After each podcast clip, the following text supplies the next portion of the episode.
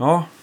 Vi, spe, vi spelar in podden efter klick bara. Så. Ja, bra. Så. Då kan jag, Ja, jag så kan man bara får- kopiera, copy-paste då. Om Ja, det är skönt. Ja, Sådär. Dra det så att det... ja precis. Kan man. Man får alla Lätt att hits. klippa in ett stick Ja, eller något. precis. Ja. Grida upp det, det blir bäst. ja. Nej, men det, det känns som att man får bättre flyt. Jag kan få allting så kan jag vara hemma och klippa lite så skickar jag det sen. Precis. Undrar om vi ska sätta den här lite närmare dig faktiskt. Ja. det blir jättebra. Gaina på aningen. Ja. Jausa, jausa. Ja, visst. Jajamensan. Ja, men då så mina damer och herrar. Ja, Då är det dags.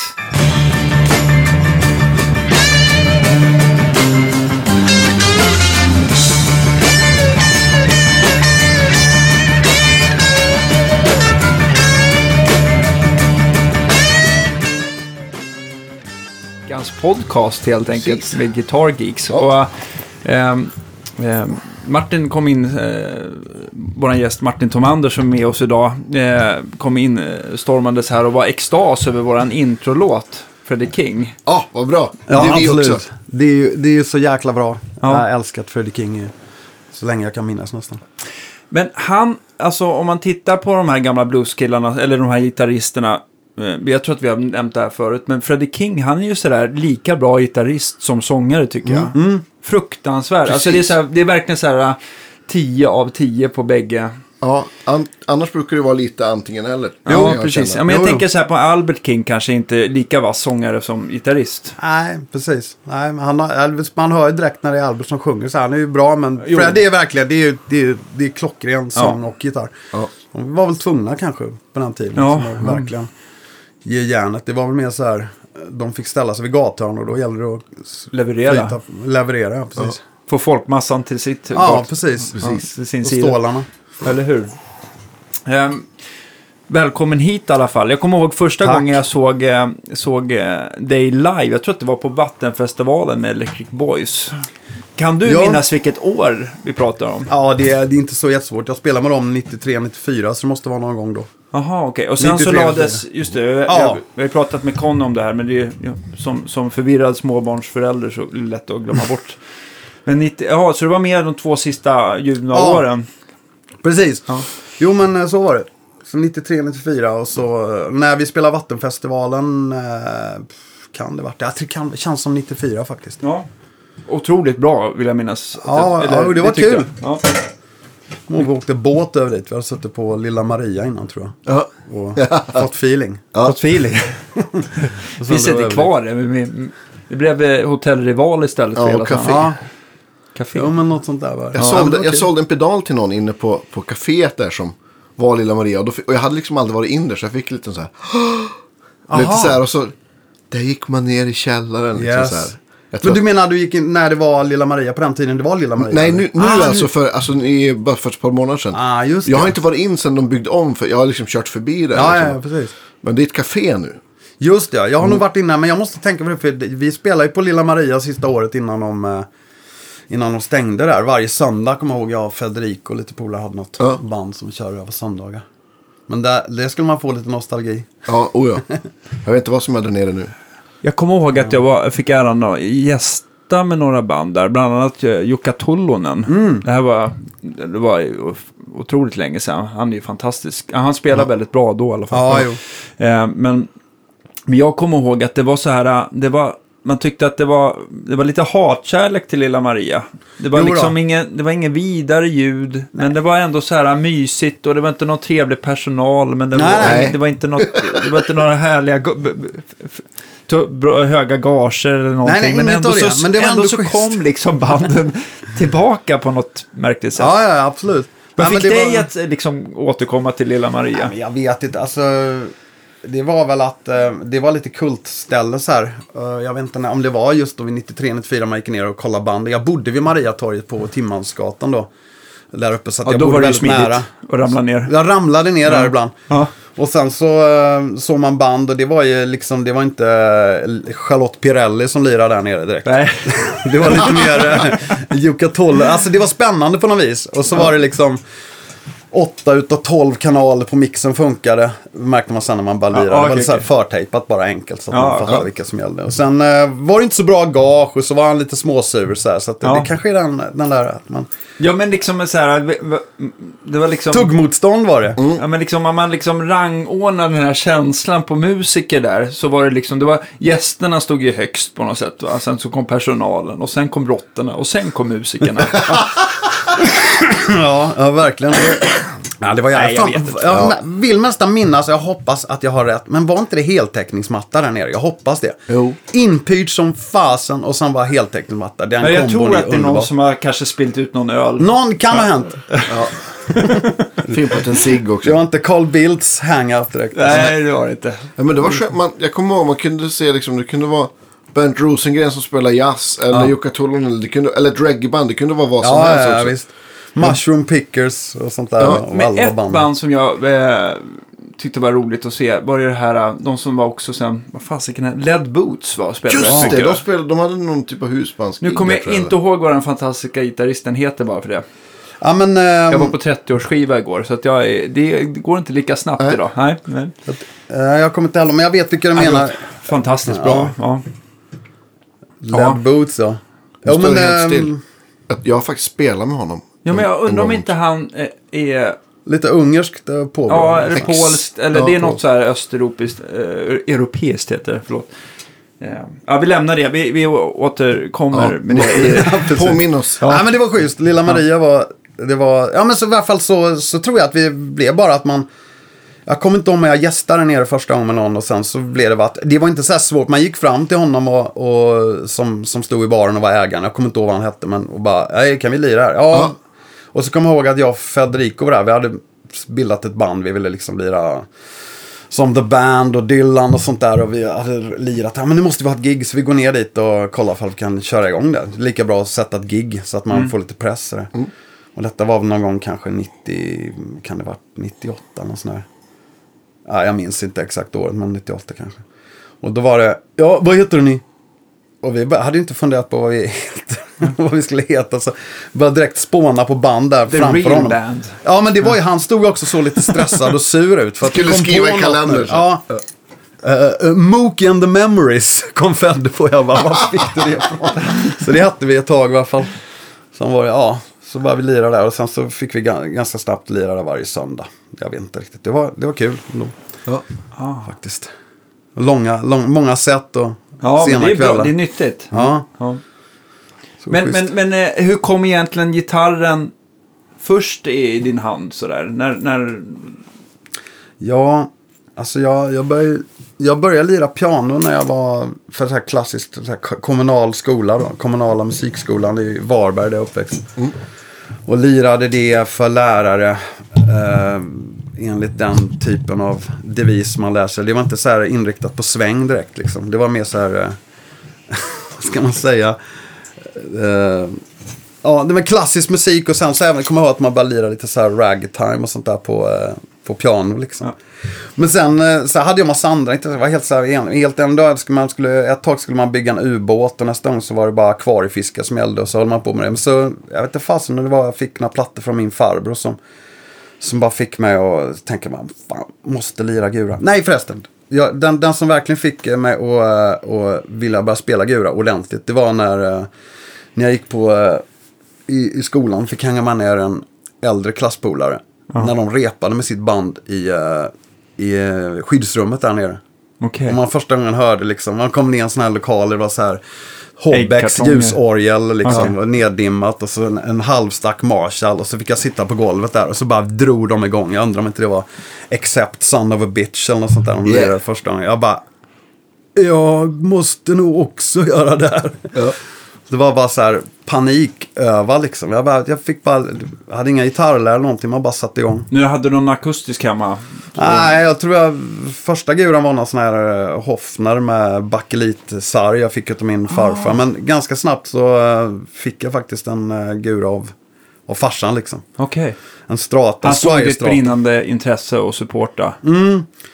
Ja, det var en ganska rolig story där. För att min, min yngre brorsa Fredde, vi började lira ungefär samtidigt. Men när jag ville ha gitarr, kommer jag ihåg, det var... vid eh, köksbordet, man satt och käkade middag så, så, eh, så skulle brorsan då som hade eh, kö- kört armhävningar ett tag, liksom, övat på det. Farsan var alltid så här, tävla i såna grejer. Helst vid middagsbordet. Okej. så skulle han, han, han började spela hockey så han skulle få ett par sådana Daust eh, hockeyrör om han gjorde 50 armhävningar. Ja. Och så bara så var det, var helt plötsligt bara slängde han sig ner och skulle, nu tror jag farsan, nu kan jag fixa så att jag får mina.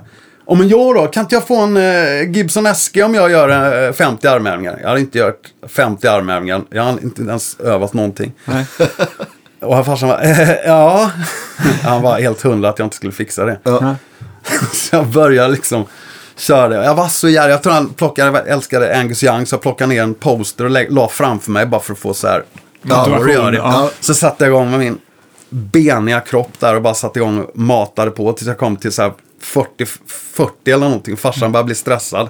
Så han räknade så här 40, 40. så psykade mig hela tiden. Ja, men i alla fall, så här, var jag, jag tror jag gjorde så här 47, 48 stycken. som Ja. här spagettiarmar liksom. Ja. Riktig rak kropp ner med näsan. Nej, jag, farsan, det var ju svindyrt med sådana gitarrer på den Ja. tiden. Alltså. Ja. Vad snackar vi nu? Kanske 83 eller något sånt där. Ja, just det. Alltså, det var ju svindyrt. Men eh, några månader senare fick jag en Squire Strata i alla fall. Ja. ihåg, så att det löste sig. Så att, eh, ja. Så 47 armhävningar till Devon Squire Strata, 50 en. Undrar vad som han har fått däremellan. Nej, Precis, en tack ska du ha, Lipsyl.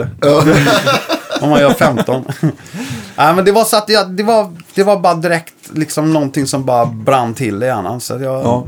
Bara började... Men då inspirerade du din brorsa Fredde också? Ja, Ja. det inspirerade För han är ju en fantastisk, jag har ju bara sett han spela bas i och för sig. Och, Ja. och en jättebra sångare, bland annat från Vildsvin va? Ja, ja, precis. Nej, men vi peppade varandra direkt. Då. Jag, jag, tror, jag satte igång och lirade ett band, om jag, jag minns inte exakt rundorna här, men eh, med klasskompisar och sådär. Ja. Och satte upp ett band och sen så ganska snart så tror jag att basisten inte orkade lira precis varje dag. Så då frågade jag brorsan. Vi repade nämligen i våran villa i källaren liksom. Och då passade det bra för brorsan som var, Ja, ja, visst. eh, kanske var 12 då, något sånt där. Ja. men jag kan spela bas. Så att eh, då bara han, han spela med oss liksom. Och sen så var det bara, jag tror det var tre veckor senare spelade vi på morgonsamlingen med egna låtar liksom. Coolt. Ja, det var kul. Men det fick var bara, ta... Vad hette ni då då? ja, du, då hette vi The Rats of Wrath. Yeah. Vredens råttor. Ja. Med japansk, jag gjorde i, i eh, syslöjden en sån här backdrop. Ja.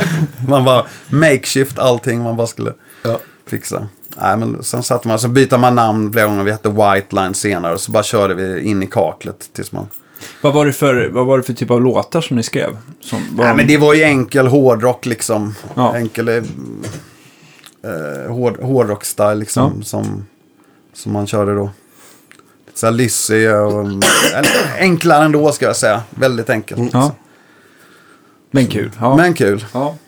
Underbart. Vad, vad, eh, men det här pratar vi högstadie. Eh, Ja, alltså jag undrar om inte jag... Jag undrar om inte detta var precis när jag började första ring. Jag är Ja. inte säker. Jag tror att jag, jag gick faktiskt i första ring. Jag måste ju varit 16 år när det här satte igång. Så jag började spela rätt sent faktiskt. Mm. Men eh, det, det tog fäste direkt alltså. Man kände att man ville bli så bra som möjligt kvickt. Man fick åka upp till Mugg i Göteborg och kolla på andra gitarrister och sådär. Det var inga YouTube-videos alltså. Nej, visst. hur, hur, vad kopplar du in din Eske där i början? Kommer du ihåg? Vad... Nej, jag hade ingen. Jag fick ju ingen SG. nej, nej, förlåt. Nej, Squire. Ja, Squire. Ni får be om Jo, ursäkt. jo, jag det här var Först, Som tuggummi. ja, men först, första stärkan var faktiskt en uh, Super Bass. En, eh, En Marshall. ja, en Marshall Super Bass, topp och Oj, låda. yeah. Hur många Riktig- armhävningar var det då? Vad sa du? Hur många armhävningar Nej, var det? det var, det, jag kommer ihåg att den kostade 1200 spänn. Det var en granne i Tångaberg, det området vi hade, som var basist. Jag kommer ihåg att han hade en Gibson Grabber, kommer ihåg en Gibson Ja. Grabber-bas. Gene Simmons bas. hade det och så, Ja. så ville han sälja sin topp och låda. Mint condition, du vet. Jag visste inte, jag visste bara Marshall, cool. Men fan, den är inte lik Schenkers Marshall. Den är så här så litet Marshall-märke. Jag kommer ihåg att man hade ingen koll alls. Nej, precis. Så jag tror... Jag, jag kommer så- att morsan hämtade den i sin Volkswagen Golf och så gick jag jämte och höll i Vi kunde inte få in den i bilen så jag gick med den genom hela villaområdet så här. och, så hem. och sen det var ju bara blang, blang, blang. Vad är det här? Jag måste ha så att det blir dist-sound och grejer. Ja. Så man fick köpa några distpedaler till det där då. Ja. Och sen trashade man det där totalt. Men vilk, vet du vilket eh, år den var ifrån? Ja men det var ju en uh, tidig 70-talare. Jag kommer inte ihåg eh, riktigt eh, vad det var. Men det Ja. måste varit en tidig Ja, 70-talare. precis. Mint condition. Och jag totalt pajade den där alltså. Ja. Slet bort det där lilla Marshall-märket. För jag ville ha Blackmore och. Schenker hade ju stora märken. Så jag köpte på mugg, tryckte på det. Vad fan är det för fult grått jävla Tolex på det? Går inte att ha. Det Ska inte Schenker. Så man tog en sån här uh, spritpenna och bara fyllde i. Och så, så blir den liksom, tog den nästan slut halva. Så det blev så jävla... Ja, ja, ja. Det skulle vilja bara... Du gjorde det på fronttyga. Ja, ja, ja. Alltså, och så samma där, slet bort, satte ett annat. Du vet, man hade idéer. Ja. Massa idéer. Jag skulle bara vilja lagt mig själv över mitt knä och så bara... Gör inte så. Är det det första du skulle rätta till så här om du fick köra tidsmaskin tillbaka? Ja, men å andra sidan så måste jag säga, det, det drev, det- anledningen till att det blev så där, det var ju för att man var så jädra geistad liksom. Ja. Ja. Man bara, jag, jag kan inte vänta en, en sekund på någonting. Man hackar i, man vill ha som en handbacker i den här stratan också, skulle man hacka ur. Ja. Så då satt man bara med stämjärn bara direkt. Bara, donk, fick en flis i ögat, kommer jag För fan. Så det var bara Perfekt. man matade loss. Jag vet själv att jag har förstört gitarrer. Ja, jag med. Ja. Och herregud, de här första gångerna man skulle, man skulle göra allting själv och, och liksom löda och allting med, någon, med, någon, med, med den billigaste lödpennan liksom. Och, fy fan vad det såg ut alltså. jag kommer ihåg, jag kom med någon Les Paul så här till Örn. Det här pratar vi, det måste ju varit liksom mitten av 90-talet eller någonting. Örn jobbade på Stones då som gitarrtekniker. En av de bästa, eh, up to date. Ja. Men, men eh, han bara... Jag kommer ihåg hur han liksom så här besviket skakade på huvudet fram och tillbaka. Över att se mitt, mitt mästerverk. Han bara oj, oj, oj, för fan. Så svor han lite grann. Lärde han dig då löda det? Nej, men jag tror att så här att jag efter det så kände jag att det här måste jag fan ta tag i och bli bra på. För att Ja. jag, jag, jag har aldrig liksom riktigt gillat att, att göra någonting dåligt. Så ja, nej, på den, det, det blev en, det blev en, vad ska man säga, en, ja, man kör trial by error helt ja enkelt. precis, ja. Exakt. Man får bara göra grejerna till slut. Ja, det, det är ju nu- det, man, man, när man är den åldern också så är det inte så att man tänker liksom lite längre fram. Vad, vad, vad håller jag på med nu? Man vill bara direkt fixa någonting. Ja. Och det är ju det som är charmen också med den åldern och man, man gasar loss liksom. Precis. Ja, men man är självlärd någonstans. Det är klart man har tagit tips av andra byggare och, och tekniker och sådär. Men det är ändå så här att man har ändå... Man har, det är den långa vägen och erfarenheten som har Precis. Ja, gett, gett. Ja, men det, det brukar jag säga ibland om man har så här clinics eller föreläser. att Det är liksom rutin och erfarenhet går liksom inte att öva sig till eller plugga sig till. Det är bara, det, man måste nej bara men precis. Man måste, leva och lira. Det finns inga genvägar. Liksom. någon, man måste stå på det här gigget utan extra strängar Mm. på ett lastbilsflak som man har gjort vid fästningen när farmor står och glor liksom. Och man man eh, kan knappt spela för att det är så jävla iskallt och så Ja. bryter man en E-sträng i första låten och så har man inga mer strängar liksom. Man gör inte om det misstaget sen. Nej, precis. Så det är massor där, det är bra grejer man får liksom Ja. Öva in. och spela när det är kallt, det är fan inte kul. ja, det är hemskt alltså. Och så bara värma Vad, vad, är, armhålor vad är det kallaste ni kommer ihåg? För det här, det kallaste gigget, det kommer man alltid ihåg. Ja, men det är nog senare tid tror jag. Okej. Uppe i eh, Norrland. Vi, in, vi, vi lirade då. Jag turnerade med Marcus Fagervall. Jag, Federico och Jocke. Så här 85 gig 2007. Och då spelade vi uppe i långt uppe. Jag, jag, jag är inte hundra. Jag får känslan av att det var typ Svappavaara utanför sådana här vattenkraftverk. Där. Någon skulle inviga det. Då lirade vi där. Det var jädrar vad det kallaste jag varit med om, tror jag. Var det vinter? Ja, ja. Ja. Så det var, det var så att man, ja, man fick stoppa in händerna i, jag tror de hade fortfarande på den tiden att det inte var så här LED-lights utan det var så man kunde värma händerna Ja, i kanderna. Liksom. Så det var, det var svinkallt. Torget i Lycksele, minus åtta. Det var då jag gick musikgymnasiet. Minus tre har jag kommit till. Ja. Ja. Nej, men det behöver inte vara så himla. Det, är- det är ju fruktansvärt. Alltså. Och det stämmer ju sådär kan man säga. Ja, ja, exakt. Jag hade ju lyxen i alla fall att jag kunde liksom dra till med en sån här, eh, vi spelade på en invigning från en frisörsalong i, Ja. i Hammarby sjöstad. Så jag bara, ni ska stå här utomhus. Ja. Men då fick jag en sån här gasolvärmare jag kunde dra Jaha, till ja, med. det Så det, var ju liksom, det blev ju liksom att, jag vet inte, jag fick det att få upp mig, fy fan vad Alltså den som värmer upp restauranger Ja. utomhus. Ja, precis, ja. Ja, men, Ja. åh, bra, det är bra. Det var lyxigt. Annars får man liksom stopp, st- ställa sig vid stärkarna liksom, och värma vid rören och sådana Ja. grejer. Så det, det gick på något sätt. Ja. Från det ena till det andra. Men Ja. vad heter det? Vad blev det för distpedal till din Marshall där? För att det, det är så här, innan den börjar dista, då är det ganska starkt. Ja, ja, ja. ja. Då, då börjar ju föräldrarna klaga kanske på... Grannarna Ja, till och med. ja, ja, ja, absolut. Jag, så, jag bara tackar mina föräldrar för den eh, supporten som de har gett för oss. Men eh, nej, precis, den distar ju inte. Det är en 100 watts bas superlead liksom. Ja. Super bass. Ja, men en Så Squire Stratta, då, då krävs det... Ja. Nej, jag, jag, jag köpte min första pedal, min distpedal, Boss Heavy Metal. Kanske någon sån här Pearl-dist eller någonting. Jag kommer inte ihåg om det var, om det var sån först kanske. Boss Heavy Metal, alltså. Det kan Ja. jag säga, det är inte... Det är inte Hendrix-sound i dem alltså. Nej. Men, Men är det eh, inte, ja, är det inte fan. den som är det här klassiska Entomb? Eller Jo, jag tror någon Där- dem. där- HM2 tror jag de ville... Ja, exakt. Precis. Den så orangea, svart och... Dan precis. Deal Down är så hårt så att man Ja. går av. Ja. Oh, ja. Men jag, jag noterade det, jag läste någon intervju att några av de här gängen, det, vad sa du, en tom En ja, jag tror det. ja, att, de, att de körde på det. Jag bara, ah, vad vi måste få hit någon, någon av gossarna. ja, men vad heter han? Nico får ni snacka med. Ja, eller hur? Ja, han är- spelar... Ja. Ja. Ja, jag har pratat med Nick om vi ska göra. Sen så är jag dålig på att följa upp ibland. Men, eh, nej, men- vi ska ja, ta kommer. hit Nico. Bra han är en mycket bra Ja.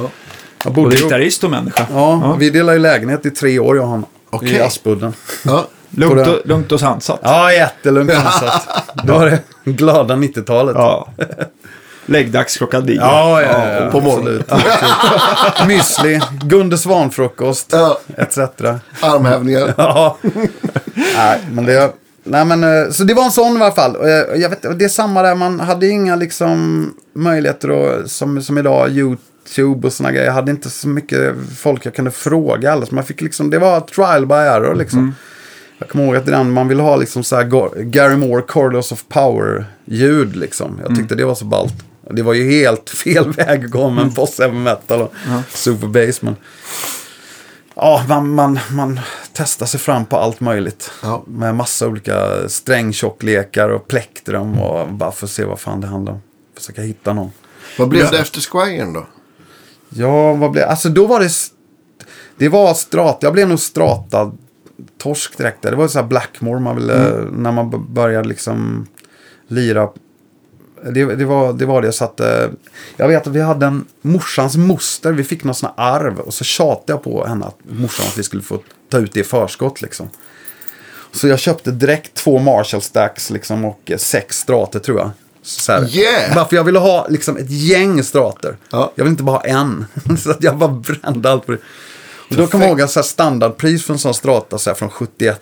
Mellan, jag tror de stratorna hade i alla möjliga färger med Rosewood där. Det hade nog 6-7 stycken. Var mellan 71 och 75 liksom. Något sånt där. Så det köpte var så här 3 och 5 var standardpris. Kommer jag ihåg Ja, i Varbergstrakten. Och samma med eh, Marshall-toppar liksom. Ja. Lite grann. Det var så här 3 och 5 standardpris. det är det inte längre. Nej. Vilket år var det här? Ja, men det måste ju varit eh, 84, 85 kanske. Ja. Något sånt där.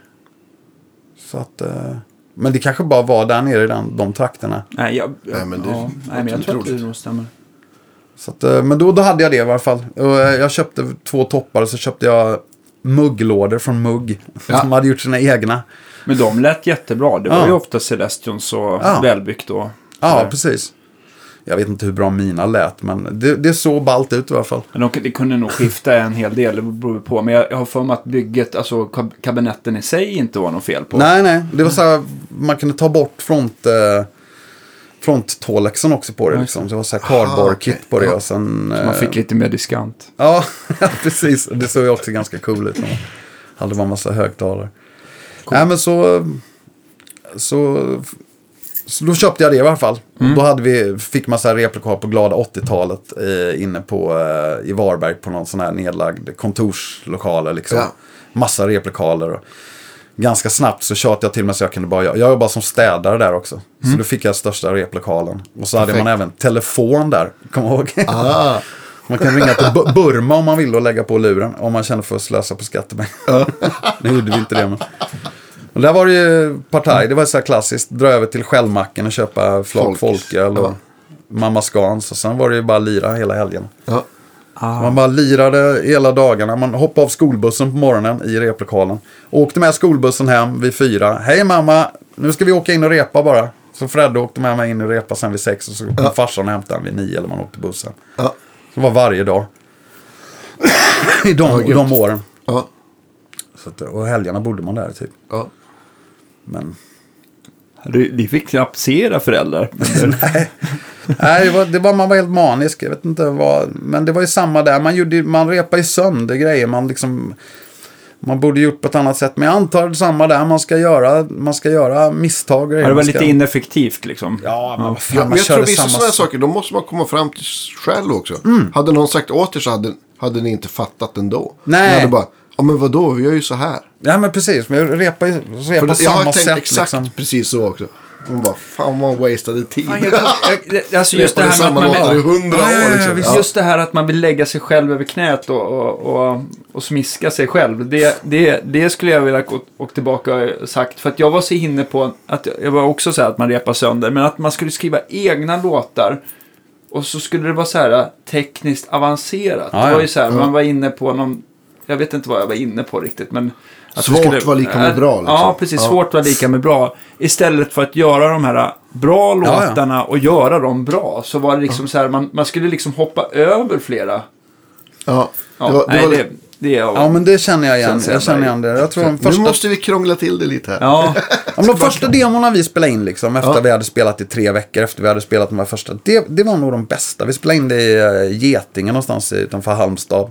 Liksom bara in en dag, spelade in tre låtar och så fick vi ganska direkt någon på någon sån här Hallands radio som spelades liksom. Och Ja, coolt. Det, det var helt okej. Sen så blev det bara gradvis sämre, sämre, sämre. Mer överarbetat, mer komplicerade låtar med så massa prylar i.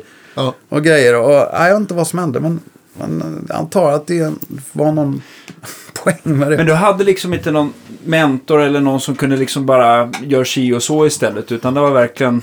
Ja, det var homemade alltså. Ja. Brorsan och jag, vi, vi peppade ju varandra och så här.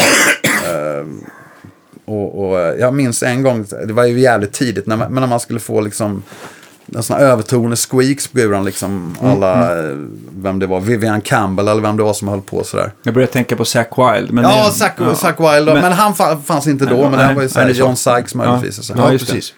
Och Ed Van Halen för den Ja, delen också. Men då kommer jag ihåg att man satt så här på sitt rum bara. mm, mm, Och bara försökte, hur fan får man till det där jävla tjutet? Och så bara av någon misstag liksom, så bara höra att det var åt rätt håll. Så jag bara springer över till Freddy. Jag jag knäckt koden. Jag just det där. Ja. Med sådana små grejer som, som, man, eh, som man nu bara tänker att det är ju bara att slå upp på YouTube-videos. där. Man fick Ja, ju bara shit. öva på de här grejerna. Jag kommer ihåg själv att jag typ klampade in till Jonas Edler på, som jobbar på Soundside då. Mm. Och bara så här, bara, har du någon, någon humbucker där jag kan få fram de här, typ, jag kommer inte ihåg vad jag sa, Plectum flageoletter eller något. Ja, ja, visst. Extra bra, som har extra mycket harmonix. Yes! ja, ja, visst. Och han, ja, man, Det är klart. man fick tillbaka ett leende så Ja. ja. ja, du kanske ska prova den här. Och så köpte man Det är en underbart. dyr Seymour Duncan-mickel. Ja. Ja, vad hette de där? Simma Rankan Distortion med nitar på? Eller vad hette de där? Ja, ja, vad hette de då? Det måste varit Invader eller någonting sånt där. Ja, Som just det, de Invader. Ja, just det. Fan vad det lät. Ja, för fan vad Mycket. bra det var. Prylarna på den tiden, man, det, man, man, får, no, man får nostalgi när man tänker på alla såna Gallion Kryger-stärkare. Kommer ihåg den andra gitarristen hade. Det fanns mycket Just det. prylar på den tiden. Det var lite mer o, spännande. Det var mer unreliable på något vis. Alltså. Men, men av allt det här du brände på det här förskottsarvet. Mm. Var det någonting som, liksom, som stod ut som du liksom bara, nej men den här gitarren är number one. Eller, eller, eller stärkare för den delen. Stärkarna var nog sådana här eh, ti, eh, sena 70 eller tidiga 80-talare. Alltså, eh, Typ, typ såhär 203. JMP Ja. eller 800 kanske. Sådana som Schenker hade typ den typen av... eh, 2203. Ja, Heter de inte? 2203. Eller, eller 05. 50-wattare. Vad heter det? Nej, det Tvåkanaliga. 2205. Ja, jag blandar Eller- alltihop jag där. med. Ja, för senare hade jag JCM 800 eh, och haft hur Ja, många som helst. Men, du- men det här var ju den du här tänker den med... första, första mastervolymen egentligen? JMP. Ja, precis. Yes. JM, ja, precis. Ja. De var det. Inte riktigt lika mycket gain, så man fick kanske Nej. trycka på någonting innan. Ja, precis. Jag kommer inte ihåg vad jag hade. Jag hade någon... eh, fan, får tänka efter vad man hade. Jag, jag, tror, jag tror jag hade någon sån här uh, Chorus Flanger TS Electronics som hade en boost i sig. Oj. Just det. Den tror jag att jag använde ett tag. Alltså den hände någonting med. Det var också höftskott hela tiden. där Vad man, Ja. vad man kom över för pedaler och sådär. Men eh, ja, det hade jag i alla fall. Och sen så, eh, det var några sådär, jag kommer ihåg en Lönnhallstrata så här eh, från 71 eller 72. Är det någonting du har Krämig. kvar? Nej, för vi flyttade ju, när vi hade kört det här in i kaklet, det här bandet, jag och brorsan. Ja. När vi, för det hela blir ju så att vi repar ju varje dag, även julafton och såna här grejer. Brorsan och jag var som maniska. Men var det du, var, var det eh, din vilja som stor, storebror och rätt att bestämma som, som, som gjorde att ni repade så mycket? Eller var din brorsa lika? Han likadan. Han likadan. Ja, ja. Så, så kommer jag ihåg att trummisen som hade förlovat sig nyss, han sa så här. Ja, jag kan inte repa varje dag alltså. Nej, fan vad synd. Ja, får vi... Ja, det var liksom ingen, ingen, ingen idé att vi skulle kunna tänka, men vi kan, kan repa fem dagar i veckan liksom, så kan du vara med. Det, det, jag fattar inte vad, vad, hur Nej. du tänkte. Så idiotiskt, men då, då, var det, då kunde inte han vara med liksom. Nej. Och sen så, och det är inte så lätt att fixa trummisar i Varberg liksom. Så att vi testade med några nya, det blev aldrig riktigt samma och sen så då sket vi det. Okej. Och det var döden för bandet då? Ja, precis. Och då kommer jag ihåg att brorsan kläckte att fan vi drar över till eh, den här musikskolan i Hollywood. Och detta Ah, just det. var 88 eller någonting, 89. Så vi drog över dit i mars 89. Brorsan och jag gick på det här GIT. Några, må- ett par månader i alla fall gick vi där. Hur? Hur, började spela i band. hur, hur, hur var den tiden? Ja, det var ju toppen. Det var ju toppen. Det The var... Strip, slutet på 80-talet. Ah, shit, Skojar du alltså. alltså? Du måste ju ha det. Nej, men brorsan och jag åkte över och, Stenhårt. och började gå på den här skolan och, och liksom känna in och man träffar massa andra folk där. Och, och ganska snart så, så började vi spela i band. Vi träffade Bosse Stagman, Sinnisan. Han, han eh, hade spelat i ett band som heter Shotgun Messiah. Just det. Just det. Så honom, han, ja, han- long story short, men han spelar inte med dem längre då. Nej. Så då började vi spela tillsammans. Och så Anders Johansson också, från Yngves band. Ja, just det. Han spelar trummor. Ja. Så vi började mest skriva låtar där och hålla på. In, inga gig eller något sånt där, vad jag minns. Eller det gjorde vi inte. Och Men alla pluggar på sina varsina liksom, linjer då på skolan eller? Ja, alltså det var ju också så att vi, vi gillade, det blir inte så mycket plugg för mig. Jag tror brorsan var lite duktigare. Han gick, eh, gick några månader mer, men eh, jag, vet fan, jag tror att jag gick dit och stämplade, sen gick jag hem och la mig och sova. Jaha, Det var lite partaj och grejer. Sen så repade vi också, det var billigare att repa på nätterna. Okej. Så att man eh, hade replokaler kunde man, hade vi borta vid ett slumområde, höll jag på att säga, som vi, vi kunde repa på nätterna liksom. Det kändes aldrig läskigt. Man var väl för osmart helt enkelt för att vara riktigt rädd. Men jag kommer ihåg någon gång när man gick där eh, efter ett rep. eh, Och man ser en snubbe ligger, som ligger så här med ansiktet neråt i trottoaren. Då var det så här, nej vad fan är det här? Det var så här, och vi såg också ett eh, rån på andra sidan gatan när vi tog en break mitt på dagen. Ja. Det var repa mitt på dagen vid ett tillfälle. Då såg vi faktiskt ett hold-up liksom vid någon kiosk där. Så det var rätt slummiga kvarter men nej, vet fan, man vande sig liksom. Mm. Man försökte smälta in i mängden bara där så mycket det gick. Vilken bild av att låg Hur länge, hur länge var du i USA då? Ja, vi var där i, Ett från mars eller? 89, sen åkte vi hem eh, augusti eller september 1990. Och då blev det automatiskt att då flyttade vi direkt till Stockholm Ja. efter det. För då kände vi att ja, men nu, nu spelar vi med lite folk. Och då började vi spela med och Anders Johansson stannade kvar i, i eh, Hollywood och spelade med Blue Murder, tror jag han började spela med. Och Ja, då okej, började faktiskt eh, Jakob Samuelsson, Pudelsångaren, Mm. Ja. gick. han spelade, började spela trummor med oss i det bandet då. Som hette Grand Slam, hette vi då. Ja. Och då körde vi loss och giggade och så skulle spela in en platta. Vi började liksom göra lite demos men så vart Cindy sjuk och eh, fick vara på sjukhus ganska länge tror jag. Eller det blev att vi inte kunde fortsätta med det. Så man började turnera med artister och grejer, kompa. Allt från, eh, jag tror första turnén jag gjorde det var spela förband till Sweet med, med Dag, Dagfinn. Ja. Och Bård från eh, Clawfinger spelar bas. Och Anders Wikström spelar keyboards. Och, ja, det var lite så här Vilket olika folk. Johan Kull som jobbar på Ja, just det. Deluxe. Deluxe Kulver. Ja. Det var så jävla roligt. Vi hade skitkul. Ja, Johan är en kul kille. Ja, så det var kanon. Var det någon här efterdyningarna av Shaboom-variant Ja. då eller? Ja. Hans solo, eller så han har släppt någon Just det. Okej. Och så, kom, och så var det väl bara Andy Scott kvar från Sweet. Men jag mig att de lät rätt bra, faktiskt. Det var kul. Han var en kul gubbe också, Andy Scott. Ja. Så man gjorde gig med det och sen så... Ja, sen är det en lång vända men... eh, Ja, vad fan hände sen? Ja, Man- Conny måste ju ha hört av sig där i krokarna, kanske några år efter. Ja, precis. För att jag, jag, jag spelade med Erika sen. Eh, Ah, Ingves okej. Ja, just det. på den tiden. Och Hade hon och mycket gott att säga om sitt ex? Ja, Lite, ja nej. precis. Jag tror inte de, på, de, hade, de hade nog precis gjort slut eller, Okej. vet, eller skilt sig eller någonting Ja. eller vad det var. Men det var ju med Peter Roth var ju med och spelade bas. Då. Ja, Okej. Göran Elmqvist spelar gitarr, jag Just spelar gitarr. Ja. Brorsan spelar keyboards. Okej. Mhm. Jag kommer ihåg, vi hade så jävla mycket pyro på den turnén så brorsan fick ha en blöt keps. För han stod ju där uppe bland det- och hans jävla hår, han ser ut som clown Bozo med så här rött jätteburr liksom. Ja, just det, just det. Så han bara, spraka som Ja, herregud. tomtebloss precis vid håret. shit. Så där körde vi loss med det och sen ja, drog vi till Rhodos efter det. Och spela va? Ja. Men Peter hängde väl på? Peter hängde på. Ja, jag vet. Men- Jonas Östman och jag och brorsan. Och då lirade vi eh, 187 dagar i rad, fyra set per kväll. Ja. På Jesus! en rockklubb där. Det var ju toppen alltså. Det var så jävla Så det är roligt. 184 dagar i rad? Ja, 187 eller 184. 187. Ja. Ja, från, det är helt eh, fantastiskt. lugnt. Och, lugnt och städat ändå. Nej, det var så lugnt och städat. För vi hade städerska nämligen och vi hade fri bar. Ja, perfekt. Bodde i någon sån här Fan, vem gammal... pallar sjunga 187 dagar i rad? Ja, det var ju Fred, brorsan då. Ja, just det. Jag Han är sjöng jättebra. några låtar, men för, brorsan sjöng ju mest. Så han fick väl ta det lite lugnare då kanske. Ja. Men det var, det var jävligt nyttigt. ja. Så då började man ju liksom... Då märkte jag att det hände ganska mycket med gitarrliret framförallt. För att eh, innan när man bara repar samma sätt varje, varje dag som jag hade gjort innan när jag bodde i Varberg. och Sådär, då blir det liksom att man nästan gör samma. Jag kommer ihåg att jag, jag började gilla Ulrich Roth och sådana här gitarrister. Vad fan gör de? Då gjorde jag gitarrsolona liksom. Det blev nästan sådär. Det var liksom lite...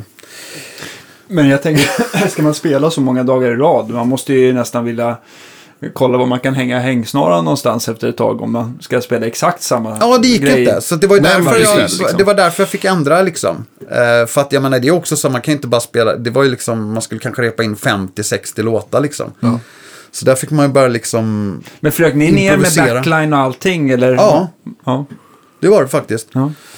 Och så, eh, ja, Pontus Norgren kom ner också partajen några dagar och ställde in ljudet här. För det var ju liksom flera lokaler lite grann så här. Så vi Ja. hade så här eh, där. Så Ja. det var, ja, det var skitkul. Och, Men, Ja, var- men, men fick ni mera liksom anpassa er och köra covers då? Eller var det mera liksom ni fick eh, fria tyglar och köra? Ganska fria tyglar, för han, hans favoritband var så här Lizzy och Purple och grejer. Så att det var ju Okej. liksom, och detta var 92. Så det var ju liksom, det- rocken var ju verkligen, det var stort alltså. Man som Guns N' Roses och... Ja, men det då hade det ju kommit någon sån här retrovåg också Ja. med Lenny Kravitz och Yes. Atomic Swing och vad Yes. var det mer för band?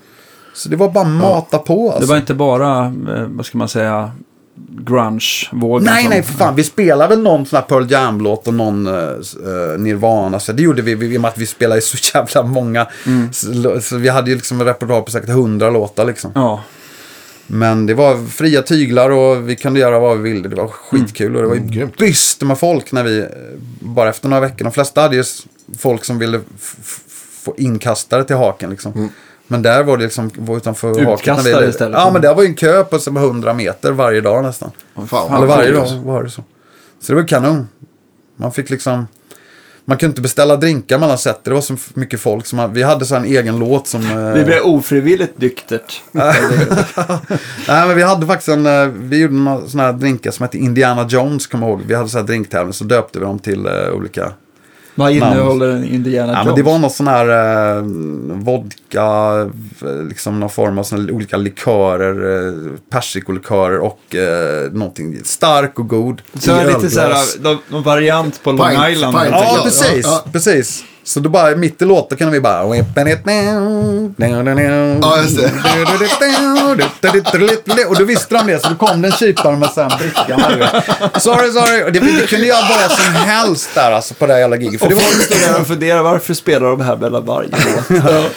Ja, men vi kunde, jag kommer ihåg Jonas och jag, och sa, fan det är så mycket folk, vi kan göra vad som helst här. Det spelar ingen roll. De var bara, äh. Ja.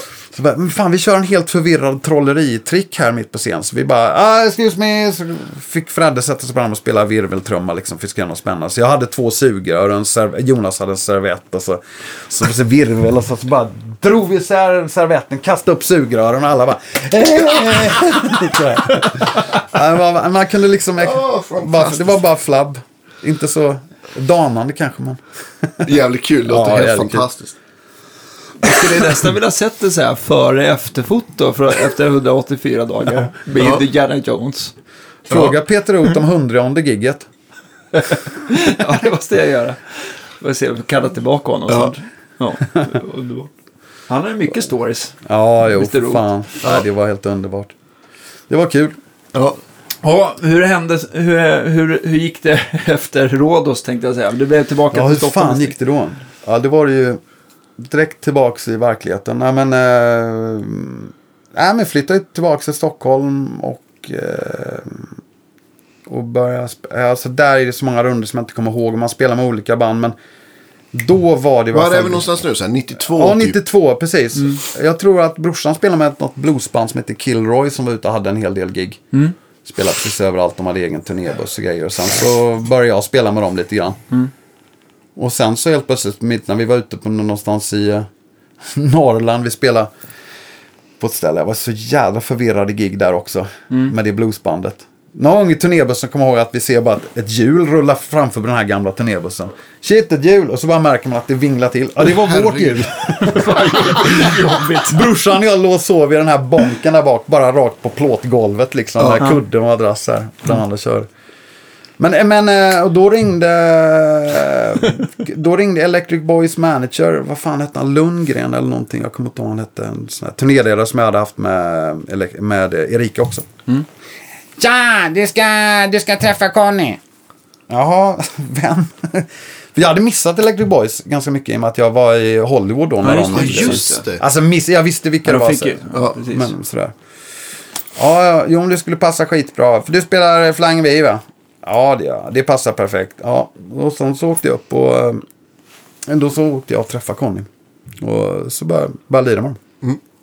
Så det var jävligt kul. Det var, det var fantastiskt roligt. Härligt att man blir utvald, alltså liksom att det är en av huvudfrågorna vilken gitarr man har. Ja, det var ju en underlig fråga egentligen.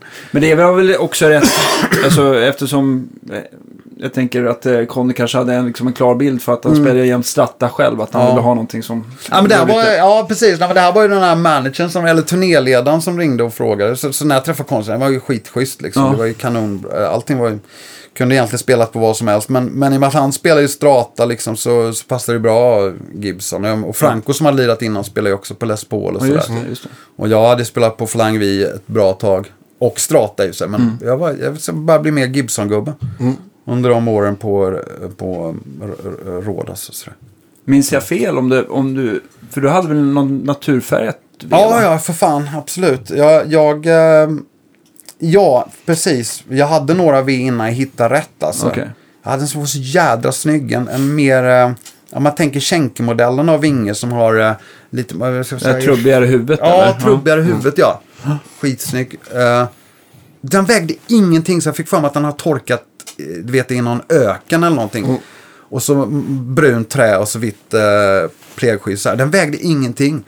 Och på den tiden så skulle man ha feta strängar. Ja.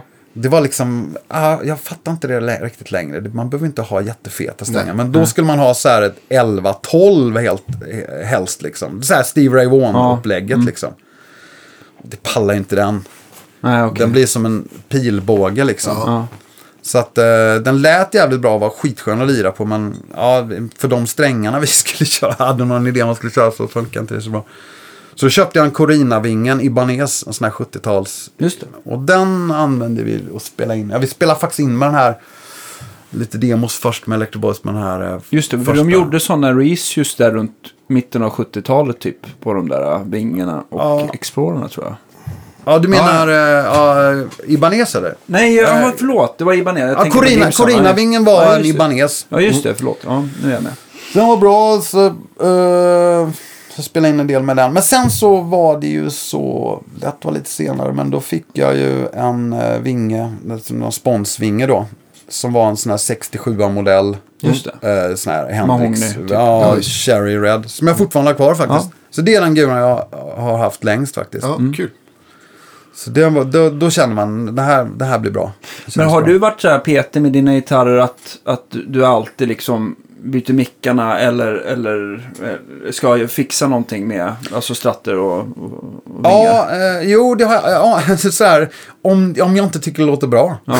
då, på den här Corina-vingen kommer jag ihåg att vi meckade. Jag satte in någon sån här andra Seymour Duncan, om det var någon Jeff Beck där bak. Ja. Liksom, för, Ja. få, för den var ganska så här basig och lite hängmatta mid i den där. Jag ville Mm. ha något annat. Jag vet inte riktigt om jag hittar rätt riktigt. Men den var väl bra på vissa sound den. Ja.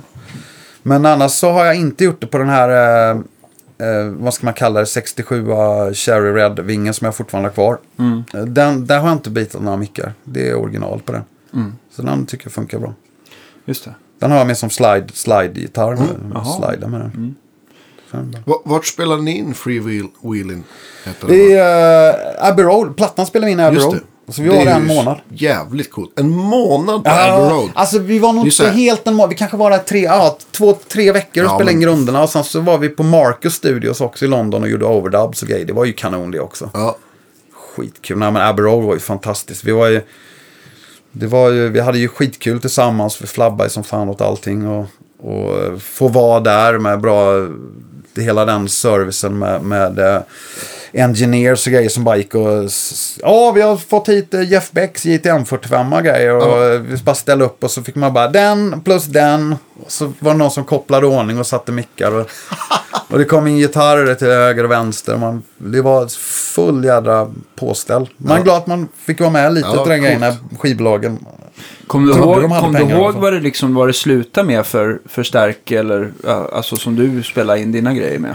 Ja, jag kommer ihåg att jag, vi spelade, nej jag, inte exakt, men jag kommer ihåg att vi spelade, jag spelade ett solo på den här eh, Ready to Believe. Kommer Ja, ihåg att vi spelade just på någon, eh, vad fan kan det varit? Jag, jag, jag är inte hundra nu, kan vara fel, men en sån här Dynacord King, järnet. Och jag spelade det solo som pajade den. För jag ville ha just Freddie King sound på den Ah. där. Ja. Varför få så Det är jädra... bra. Jag har det till och med i bakhuvudet hur den, det solet låter. Ja, det är väldigt enkelt liksom. Jag vill ha, det ska bara, mm, det ska bara blöda liksom. Det ska Ja. vara, alltså, så det var, men annars tror jag det var mycket så här, eh, ja, Super Leads och, och JTM 45. Det stod ett gäng sådana där. Och, Vox AC3, no, allting liksom. Men det var nog mycket Marshall. Vi var ganska mycket Marshall-gubbar. Det var så här, nu är jag med, spelar mycket mer på Fender. Och inte Okej. de senaste åren. Men då var det jävligt mycket eh, Marshall. Mm. Conny har väl dragit mer åt Vox-hållet tror jag. Jag vet inte om Ja, det då. men han kör. Han har kört eh, lite olika grejer. Han har ju alltid haft sin vita sån här Super Lead-topp också. Men eh, mycket Men- Vox AC30 och sånt just det, där. just och. Lite Ja. blandat. Allt har sin charm helt enkelt. Ja, ja, verkligen. Men då på den tiden, då som det var då, vi stämde ner ett halvt tonsteg, feta strängar. Det var Marshall, kommer ihåg Mm. mycket. Men det var skitkul. Ja. Den låter jävligt bra den där skivan. Ja, den är ball. Så det var... eh, Vi bodde ju också i studion. Eh, De har ju så här lägenheter som är helt schyssta som ligger vägg i vägg. Så jag kommer ihåg att man kunde dra dit på kvällarna liksom och gå runt och kolla på gamla Beatles gamla bandare och, och Shit, allt möjligt. Snacka om att det sitter i väggarna. Ja, det var jävligt Kan man- schysst. Man ser tavlor där på eh, Pink Floyd när de drar in sin backline. Liksom, någon, du vet, eh, Gilmore kommer släpa på någon high-watt-topp. och- Ja. Och just det att den studion vi var i, det var ju den nummer två också som med trappan upp där och kontrollrummet. Så att man, flygen där, du spelat in Dark Side of the Moon och grejer på. Får jag lite gåshud där. Ja, Men det var jävligt kul, så det var inspirerande. Ja. Så det, var, det kunde inte varit bättre. Undrar vad det kostar att, att spela in en dag i... Ja. Ja. ja du. Nej, men, ja, Ja. Det, var ju, det var ju, de satsade ju järnet på skivbolaget på den tiden. Det var väl nästan i brytnings... Jag vet inte riktigt. Nu är det inte alls samma sak. Skivbolag har inte sådana pengar att spela in. Men det gick väl bra freewheelen? Eller? Ja, alltså det kom ju lite grann anledningen till att vi la ner då. Va? För att eh, vi skulle, ja, den var inspelad och grejer och så skulle vi ge oss ut på turné om inte jag minns helt fel. Vi skulle spela i hela Europa och det var snack om Japan. Och vi skulle turnera med King Sex, så här Ja. double bill liksom. med dem. De var rätt stora då. Och jag kommer ihåg jag hade varit i eh, England och skrivit på eh, Gibson Spons och Orange och sånt där. Man skulle få nya gitarrer levererade när vi spelade i Paris och såna grejer. Så man var ju riktigt äggad. Man hade det här pappret från Gibson med Spons och sådär. Men bara någon vecka innan vi skulle dra iväg så var, tror jag, om det var basisten, han som sjunger och spelar bas i det här bandet King 6, han var tvungen att läggas det. in på Dog rehab. Pinnick eller vad Ja, han lades in på rehab. Så det, då, det är liksom, av någon jävla anledning, vi hade en engelsk manager då. Det sprack hela den turnén. Den bara, Nej! och det är ju ändå det man måste göra på den tiden. Speciellt var ju promote, det är ju fortfarande så. Man måste ut och lira för att promota Ja, ja, en platta. Eh, vad göra? Så jag kommer ihåg att den managern vi hade då. Eh, han försökte få med oss på turné med Kiss eller Aerosmith eller vad det var. Men det var ju liksom upptaget. Så, så det blev att vi spelade massa festivalgig. Liksom. Midfyn, Roskilde och vi spelade någon gig på Marquee i London och så här. Men det blev lite mer Upphackat, alla liksom. sådana här festivaler och grejer. Men det är ing, ingen riktig fest i skivpromotandet på det sättet. Nej. Ja, men än om att man hade bara åkt runt i hela Europa. Så det, blev, det blev liksom lite början till slutet där. Det var ju skitroliga gig och allt det där. Men, man skulle behövt verkligen turnera, Ja. turnera ordentligt för att få det där att fästa. Så att jag, den sålde väl helt okej liksom. Men, eh, Med dagens mått så sålde den nog ganska bra. Men, Ja. men jag tror inte den spelar ihop de pengarna som skivbolaget hade lagt ut. Fan synd, en, som sagt en grym platta. Jag kommer ihåg, jag såg er i Vindeln fanns en fes- festival alldeles vid en fors. ja, yes. Jag såg er. Då, då, jag Det spelade var på den tiden också då. Ja. Precis. Du signerade ett par byxor som jag hade då. Åh fan! Ja. Jag spelade, Ja, ja. Visst, jag spelade där med mitt band då. Vad hette vi då? Vi hette Dazed and Confused tror jag. Ja, ja, Och, då- och, du vet så här mitt på Inte dagen. Led Zeppelin-style då. Ja, nej inte alls överhuvudtaget. Och, och, så, och ni, det var ni och Hurricanes var liksom... Ja men för fasen! Mm, jag, sk- jag Det se minns jag speciellt det. det Ja, gigget. fy Jag fan. minns det, för vi åkte ju forsränning med Hurricanes. Just det. Och Det, jag det vilja var se. inga patetare det gänget med rem och det. Oj, oj, oj. Vi, vi är liksom så här Stockholms fjoller med, med hockeyhjälmar och grejer när man ska åka forsränning. De vill ju inte ha, de vill ju givetvis inte ha hjälm när man åker forsränning. Det är ju fjolligt.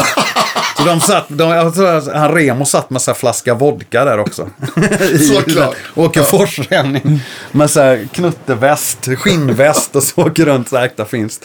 Det är ju farligt på riktigt grymt. forsränning alltså. Ja, det, det var ju ju Det är grymt. svincoolt alltså. Ja, så det, det, det kommer jag ihåg från det giget. Ja. Och någon efterfest med... Men vänta, spelade inte de också Leningrad Cowboys? Var det samma gig? Nej, jag kommer inte ihåg. Jag kanske blandade ihop det där. De där med de här långa dojorna Jo, och fripporna. vad? Det stämmer Fjort- jättebra. Fjort Ja, visst. Jo, extraordinär. men det stämmer. Det, Ja, det var, jo, men det har jag jag kommer ihåg vi åkte ut ja. liksom långt ute i bushen där i någon timmerstuga. det var Ja, men lätt lo lokala. MC-gänget förmodligen. Ja, Ja. precis. oj, oj, oj. Jesus. Ja, men det, det minns jag det giget. Ja. Hurricanes. Hurricanes. Ja, ja, ja. för fan. Ja, Klassiskt gäng. ja eller hur? Jag är alltid glad över när man får höra de här. Ja, Kom, jag såg Hurricanes gig från, från typ Stage Right. Och, och, och Remo han var så... Han var så jävla arg och förmodligen stenad som Mm. satan och snedtänd. Så han, han Just. sulade trumpinnar mot monitorteknikerna. Ja, Han ja, var- jag kommer ihåg. och Jag bara, såg det också. Och bara skrek liksom. fan Just det, men han sjöng ju alltid va? Ja, men, precis, men de hade liksom en trummis till som, som höll liksom... Höll ordning. Så höll takten. Ja, men lite så. Så, så sjöng Remo och kastade Fan, trumpinnar. Och, ja. De- men det var, inte, det var väl egentligen bara Remo som var kvar då va? ja, men precis. mig. Sen var det ett ganska ungt band sådär. Ja, precis. Ja, men jag minns det att han kastade trumpinnar också. Ja. Fan. och bara jag skrek liksom. Någon, jag har någon polare som spelar in Remo också. Så de står och, i studion. Okej. Så, så skulle de spela in och så står de och ska lägga sig. Fan, han sjunger.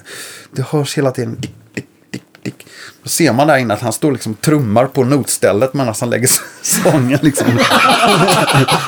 dick. Det är klart, han vill ju spela. Han Ja, måste ju ja. hålla bitet. Jag förstår. Inga konstigheter. Nej, men det är så klassiskt band. Man skulle Ja. ha sett dem på den riktigt gamla goda tiden. Ja, ja, visst. Det finns ju någon Kiss i film tror jag. Häckenen. Skitbra eh, Den har inte film. jag sett. Ja, jag har inte heter? sett den. Heter den inte Gunners eller något sånt? Den heter Gannes tror jag. Och jag Jag måste kolla upp. Jag har Ja, tänkt, när, när de definitivt. gjorde reklam för den, den verkar ju vara välgjord också. Ja, Precis tänkte, som, Den här eh, måste jag se, sen har det fallit i glömska. precis samma. Ganes. Ja. Rekommenderas varmt. Ja. Jävligt bra. De var roliga. Garan och alla de där. Och Precis. Kiss i Häckenen också. Alltså Ja. jävla bra look han har. Vilka Alltså. texter. Ja, det är så... Vad var de sjunga? The sun is rising down, down, down. Hela Get On-texten är också helt On. Det är, fantastisk. det är så jäkla bra, vad vi är glada. Ja, det, Det är. Det är rock'n'roll. Ja. Berätta om det i filmen, för de skulle väl heta Hurricanes. Ja, ja. Men de stavade fel, för att de kunde inte bättre. Ja, eller, eller att de tyckte att det lät coolare med. Harry Gaines. Hurricanes det är lät coolare. bättre, ja. Kör vi. Självfallet. Fan vad bra. Jag fick en t-shirt utav det, men det var ju så länge sedan, den har man inte kvar. Det är synd. Ja. Men Örn givetvis. Ja. Fan vad bra. Jag såg en annan bra dokumentär om dagen. Jag såg om den, eh, om, om Gasoline. Faktiskt jävligt bra. Gasoline Ja, ja, dokumentär. danska. De är också klassiska. Finns den på Netflix eller? Eh, nej, jag, jag, jag fick faktiskt gå in på iTunes och Ja. hyra den där. Men den är också intressant. jävligt bra. Det är så specialband. Måste jag också kolla upp. Jag har noll koll känner jag på den biten. Men, så ni, men när skulle ni ha gjort den här turnén? Var det typ vår, sommar och så sen fick ni liksom göra Mm, istället för den turnén så gav vi oss ut och göra massa festivalgig som Ja. i och för sig var skitkul. Men, men ur ren eh, promotion-synpunkt så var det inget smart liksom. Eller det, det, det funkar inte riktigt. Så jag kommer inte ihåg, det är väl Conny har väl mer koll på de grejerna. Men att det kan ju hända att, att det blev liksom svårt att få ihop. Skiv, skivförsäljningen blev inte riktigt som skivbolaget hade tänkt och så vidare. Så att jag vet inte fan vad som hände riktigt. Men eh, vi har haft jävligt roligt de två åren där i alla fall. Ja. Och sen har jag ju spelat med Conny till och från med olika grejer. Eh, genom åren också. Jag vet att du var, var du inte och la på lite gitarr på hans kommande soloskiva va? Eh, ja, här- häromdagen faktiskt. Det var skitkul. Ja, att, eh, ja, och jag har även spelat live med honom en del med hans solo eh, prylar, Just det, på liksom. svenska. Ja, på på svenska. svenska. Jag kommer faktiskt inte ihåg vad han kallar det. Det borde jag ju. Ja, men det är bara Conny Blom liksom. Ja, just det. Ja. Och det är skitkul. Ja, men han och jag är jävligt samspelta. Det känns alltid jävligt lugnt och tryggt. Det är inga svåra frågor liksom. Man vet, vi är bara att sätta igång och lira liksom. Ja. Så jag tror vi, vi har inte ens repat. Vi satte den där på första tagningen. Allting liksom. Så det var bara att köra. Så det är alltid roligt. Jag tycker om att spela med andra gitarrister. Det är kul. Tycker jag också. Ett tag tyckte jag inte det i början. Fast det där är ju väldigt, alltså jag tycker det, man märker, det är kul att spela med andra gitarrister som är vana att göra det. Mm. För att annars så känns det ju som att folk kan vara överallt va. Och det är svårt att parera. Mm. Ja. Det är inte alltid så kul att spela exakt samma saker i alla fall. Så det, det Nej, beror man på måste vem det är. Jag måste ju komplettera. Vässa öronen alltså. Ja. Och så för att vi får luftigt och inte liksom hela tiden lys- lyssna vad som bör, bör finnas på målningen. Liksom. Men nej, det är skitroligt. Så det var kul. Va, vad hände när Electric Boys splittrades då? Vad, Mm, ja, vad hände då? Ja, jo. Det var lite olika band och grejer. Men jag kommer att jag och Leffe Sundin började spela i ett band Just ganska direkt. Med Peter Smoljanski också från Eldkvarn där. Så vi hade något, spela med de grejerna. Men det, många olika sådana här projekt som startade men som aldrig riktigt kom någon vart liksom. en fantastisk sångare Leffe. Ja, Ja, för fan. alltså. Det var kanon. Vi- Det var ju skitbra grejer. Och sådär. Men eh, det krävs oftast mycket mer än bara att mm, folk är bra på att lira och folk är bra på att skriva låtar. Det är mycket som ska någon klaffa. Har, ja, precis. Timing och så någon som har det drivet och driva det. Så det är alltid så. Så det var mycket olika eh, bandprojekt och sådär. Fan, jag får tänka efter nu. Jo, men så var det. Men var det ungefär samma veva som du började jobba på Frysen också? Eller? Ja, det var lite senare. Eh, jo, ja, alltså efter eh, Electric Boys så, så fick jag också någon idé att jag skulle vilja börja, att jag ville börja sjunga ordentligt liksom. Ja. Och eh, hålla på med e- eget band, starta ett eget band. Så det gjorde jag. Och då körde jag faktiskt på svenska. Mm. Eh, och det var väl typ, eh, ja men det måste ju varit då samma veva som, men det måste varit då 90, 95, någonting sånt där, 96 kanske. Så då körde jag in, jag gjorde så här demos och grejer, jag höll på med det och spelade inte vidare mycket live-gig. Men, eh, men då, då ve- vet jag att jag, jag ville i alla fall börja eh, sjunga och skriva låtar och sådär. Och få, få den typen av färg på det. Så var mer fokus på det. Och eh, då blev det också att jag tackade nej till fler och fler session-gig och sådär. Man blev mer sådär att man ville köra sin egen style och sådär. Och då är, blir inte det lika mycket smatter i plånboken direkt. om, man, om man ska välja bort grejer, det är svårt. Ja. Så att jag, jag tror alltså fick jag, jag gick faktiskt på den här rockmusiklinjen också. Just det, just 97-98. Eh, jag hoppade in och, gick där ett år. Det var ju skitkul. Och den låg på Frysen då? Ja, låg på Frysen. Ja, Och sen efteråt där Då så... måste det fortfarande varit, ursäkta att jag avbryter, men jag tänkte, var det fortfarande att när det fanns vid, när det låg vid Londonviadukten på Söder? Mm, nej, den hade Nej, precis flytt- flyttat till okej, nya då. Mm. Så det var nya lokaler. Så då gick jag där ett år och det var fan nyttigt faktiskt. Man fick sy ihop en hel del eh, grejer som man hade... eh, Vad ska man säga? När man, när man, när man börjar lira och man lär sig precis allting själv så, så kan det hända vissa grejer man behöver få, få, få koll på. Eller, Teori och sådana grejer var rätt nyttigt. liksom. Liksom. Ja. Så det var rätt nyttigt. Jag, jag kom att jag bara lira slide också då. Det var en sån här grej. Jag hade bra gitarrlärare, Robert eh, Öberg, som, som visade mig. Och, eh, så det hände lite grejer där. Det var kul. Eh, och sen så började jag jobba där, tror jag, 99 eller någonting sånt där. Mm, Lite lätt bara. Det var rätt skönt. Det var, det var en bra, bra grej att ha lite extra kneg sådär, så att man inte behöver spela ihop till hyran hela tiden. Såna grejer. Det börjar bli lite tjorvigt. Ja, det kan bli lite så här ekonomisk stress när man liksom Ja. inte känner den här fasta summan varje månad. Så att, ja, Ja, eller man har så här, ja bra nu ska vi ut och lira åtta gig med det där. Och sen, bra då fixar ju sig den här månaden. Nej, det sprack. Då är det bara, uh, det- nej jag orkar inte med det. Nej. Så det var bara att fixa något, det var rätt smart. Hur, hur, eh, för, för du jobbar, hur länge har du jobbat på frysen? Eller var det bara en liten Mm. fan. sektion där? För du har du hoppar Alltså- på det sen igen va? Ja, nej men alltså jag jobbade aldrig på det var ju på den här rockmusiklinjen. Ja, ja precis. Okej, okej. Men jag jobbade även så här som, uh, och, uh, när klubben hade gig så här, jag kommer ihåg uh, Public Enemy de skulle ha gig så här, så var man där och larmade av och så Oj. såg till att de, man spelade in en av de första såna här uh, nät, nät-live-giggen liksom. Och precis när de mitt under gigget så pajade några av deras Technics skivspelare, kommer jag ihåg. Och då var det bara att vi hade så här DJ-kurser på vår Så jag bara så här, jag, jag tror att jag kan fixa nya sådana. Så jag bara kutade upp och drog ner dem. Blev jävligt glada de där Chuck D och de i det bandet.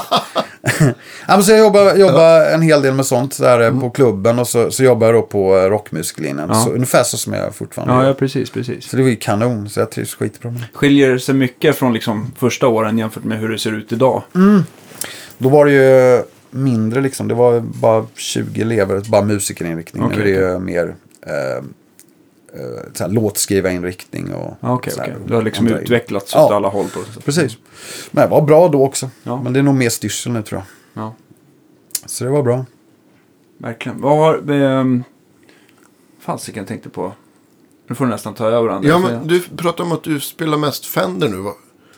Kom, hur kommer det sig? Är det, är det f- Mm, menar med, musikriktning stär, eller? menar du med stärkarna? Stärkare, Ja, precis. Förlåt. Jag vet inte fan, jag, jag, det började nog med att jag eh, lyssnade mycket mer så att man bara lyssnade på eh, bluesgitarrist och sen så fick jag en sån här flipp på Peter Green och såna här grejer. Jag ville ha liksom jag ville ha en annan sorts ton, renare, mer eh, hårdare liksom på något vis. Jag fick, fick för mig att med, med Gibson, speciellt om man kör med handbackemickar, om man kör med, med, med i, i, vissa typer av Marshall så blir det lite väl kan bli, ja, jag tycker det spräcker upp mer när man har Fender. Tycker jag. Fender och Gibson tycker jag gillar ihop alltså. Och sen speciellt om man, om man, om man kan köra eh, rakt in i stärken och vrida på. Om man inte kan det så kan man ha någon boost i varje fall. eller Någonting Ja, just det, just det. Då, då, då gillar jag det sounden faktiskt. Hur ser det, hur, hur du kopplar upp eh, git, eh, gitarr idag? Kör du mest Gibson eller, eller Fender in i... Uh, nej, jag kör mest Gibson. Jag har, Ja. eh, men jag har ju Fender, Fender-gur också. Ja, precis. Men eh, annars så är det ju... Och kör jag med Fender, vilket jag gör på några låtar med, Ja. med mitt egna band, Ja. mitt solband. Liksom. Då finns det på den här boosten jag har, man kan trycka på så man får lite mer bastryck i den. Ah, det är som en okej, liten fylligare, på ja. den liksom. Vilken, vilken boost Ja, det är en där ganska ovanlig som jag Chill. testade och bara hittade direkt hem kändes det som. Den heter eh, Sweet Sound Habanero Boost. Ja, Ja, just det. Den har någon sån här germanium-grej så den färgar ljudet lite grann. Men det blir äh, jävla Den gör bra. något snyggt då. Och jag testat så jävla, men jag har stort sett varit inne och de är så jävla schyssta på uh, These Goes to Ja, Lebanon. just det, jag de testade precis rubbet där inne nästan. Men ingen kommer i närheten av den där just sound. Nu, kommer, nu kommer det sättas på en nolla på alla annonser där ute. om- Det, du, fy fan vad jag fick leta efter den där habaneron när jag kollade på uh, För de de fick köpa dem- den i USA. För de gör dem inte nya. Han gick, Nej, de, han har gått bort den Han gick ju bort den. För de gjorde, var ju också väldigt kända för, eh, eller framförallt den här viben de gjorde. Ja, ja, ja visst. precis. Jag mejlade hans fru faktiskt. Ja. Och frågade om hon hade några liggande där. I, Ja. Var han nu bodde någonstans. Men hon... eh, Och ifall de skulle börja göra dem där igen. Jag blev manisk igen Ja. på, på, på en sån. För det var en polare som jag fick låna dem. Men han ville inte sälja till mig. så man hittade så Till slut hittade jag en på... Ja, vad fan heter det? Amerikanska Blocket. Okej. Eh, Men då, ville inte de, då kunde inte de skeppa det till Sverige. Så syrran som tur var var i Aspen då. Perfekt. Så hon bara skickar den till Colorado så kan jag ta hem den när jag flyger. Ja. Så det, det läste det var så jävla vansinnigt. Men nu har jag den, nu funkar den bra. Vad har du, vad har du, vilken ordning har du, eller vad har du på bordet? Ja, eh, först har jag någon ja, gitarr rakt in i en sån här Korg Tuner i alla fall. Som är bra som en sån här buffer liksom. Just det. Och sen går den in i, uh, undrar om inte den går in i ehm, en Smallstone Phaser kanske. Och sen en, om- jag vet inte exakt ordningen, men det är Wawa och så en Fuzzface och så uh, har någon sån här MXR EQ också som man bara för att få lite, lite mer skjuts liksom. Ja. För jag kör liksom backar av med volymen på gitarren när jag kompar och så Ja, fullt spets den där solen. Har du, jag tänkte på Och fast... sist är den här uh, boosten då. Ja, just det, det. Men jag tänkte på... Jag tänkte på din fuzzface, för att de kan ju vara, de kan ju både leva om med temperaturer om det är germanium och sådär. Men, men har du hittat någon favorit så här, eller har du provat Ja. lika mycket där som Ja, boostarna? det är den enda jag haft. Jag köpte den då inför jag drog till... Den måste jag haft sedan 92, den här fassen. Den Är funkat. den röda fuzzfacen? Ja. För den är väl germaniumbaserad har jag för mig va? Ja, den funkar skitbra. Den funkar skitbra i Fender-stärkare också. Det är klart, eh, kör man Fender-strata är det lite enklare om man, när man backar av. Man, den spräcker ju upp ända helt till rent sound. Ja, till det värsta Santana. Eller hur man vill ha det. Eller Frank Marino-lödet liksom. Men, men i viss mån även med Gibson. Fall med Flying V och lite så SG. Eller om man kör med... Då funkar den också bra. Just det.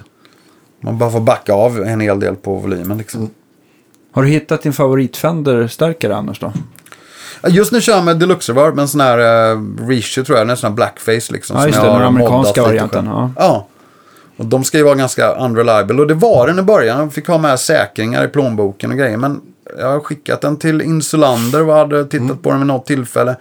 Jag gick in och tänkte, precis som du snackade om, man vill ju lära sig grejer själv. Så Mm. med YouTube och sånt har det varit så jävla smidigt. Man kan ju bara gå in och, och, och Ja, kolla hur man gör där. Och även på den här Fender-guru tror jag det finns någon just sajt som heter. Så där drog man ju bort den här bright capen och gjorde, man plockade Ja, ur rör och fixade Precis, så ja, gott man det kunde. plocka bort ett rörtricket Ja. är ju skitbra på de där. Ja, så att jag gjorde sådana grejer och testade också att byta, eh, var inne på att byta till sådana här JBL Just det, just högtalare det. bara för att få ännu mer spräck i. Men, Ja, de blev aluminium. De, Ja, ja, precis. de, de kan ju bli... Jag vet att vissa gillar dem. Det är väl, var det inte de som Van Halen hade i sin rigg? Ja, han hade, två han stycken. hade en 412, eller säkert flera, men han hade två sådana och två Greenbacks. Ja, och blandade det. Ja, Ja. men det kan jag tänka mig. Ja, Men, nej, men för fan. dem kan ju vara lite... bli- I fel stärk så kan de ju bli väldigt aggressiva. Mm. Men eh, ja. Det var nog så för att jag, jag gillar aldrig resultatet. Jag byter tillbaks. Jag, jag vet faktiskt inte vad det sitter i den nu. Original, alltså det kan säkert vara olika på Mm. olika år. Men jag får mig i alla fall att på de där ska det vara den som heter Jensen C12K. Som är, Så- någon, så som är som en ganska stor magnet som pallar en hel del. Yes. Så att jag tycker själv att de är ganska middiga och hårda. Men däremot om man har spelat in dem eh, alltså, Mm. många timmar så, så lägger de sig rätt snyggt faktiskt. Ja. Ja. Och Insulander gjorde någonting också. Han, eh, han ändrade i, i uh, treble-porten så att den även påverkade midden på ett annat Ah. sätt och blev Ja, mjukare. just jag kommer han gjorde en sån grej för att det inte skulle vara så jädra... ja, precis. För på deluxen, nu minns jag kanske fel, men är det inte bara bas och diskant på Ja. den? Ja. Jag tror det var treble, jag tror inte det var basen. Han ändrade kanske den också, gjorde Ja. lite sådär. Han fixade lite. Ja, precis. För de, de hänger ihop de där, Ja. så det blir lite, väger, upp, väger lite mot varandra. Så den, eh, den har jag kört med Ja. sen dess. Faktiskt. Berätta om, om ditt egna projekt. Ja, Ja, nej men, eh, ja, absolut. Nej men jag har ju skrivit låtar i alla år och, och, eh, och så för, vad fan är det nu, ganska många år jag har hållit på med de här, jag har skrivit ett gäng låtar och sen så, så skaffade jag band och så gick vi bara in och plöjde in de låtarna en par dagars session där i Frysen-studion. Och sen har jag hållit på och pillat och sånt med dem hemma liksom. Och släppt singlar var eftersom liksom Mm. när det är klart. Så man både spelar bas oftast och sjunger och skriver låtarna och texter Mm. och mixar till och med blir det också till slut. Jag Är det svenska eller engelska? Eller? Ja, det är engelska texter Ja. på det. Ehm, så att det, ja, det var som en jävligt roligt faktiskt. Jag Mm. gjorde det bara för att det var jävligt roligt att börja med. Eh, och det gör jag ju fortfarande förstås. Men Om man, om man vill in och lyssna på det, vad söker man Ja, efter? nu så det finns, jag, jag har plockat ner det från den här sajten för jag ska, tänkte jag skulle ska släppa det på vinyl eventuellt, eh, de låtarna. Det är tio låtar men så har jag ytterligare ett gäng låtar som man ska fixa i ordning också. Nu får du säga till så vi kan... Ja, men det finns på min uh, martintomander.com, där kan man gå in och lyssna på ett Ja. gäng låtar. På min, jag tror det heter så. Där finns det en, sex, sju låtar utav dem i alla fall. Sex låtar. Så det är jävligt roligt. Jag tycker om att sjunga, jag tycker om att skriva låtar och jag tycker om att lira bas. Jag tycker det är askul att spela bas. Vad, det är, vad drar åt för håll?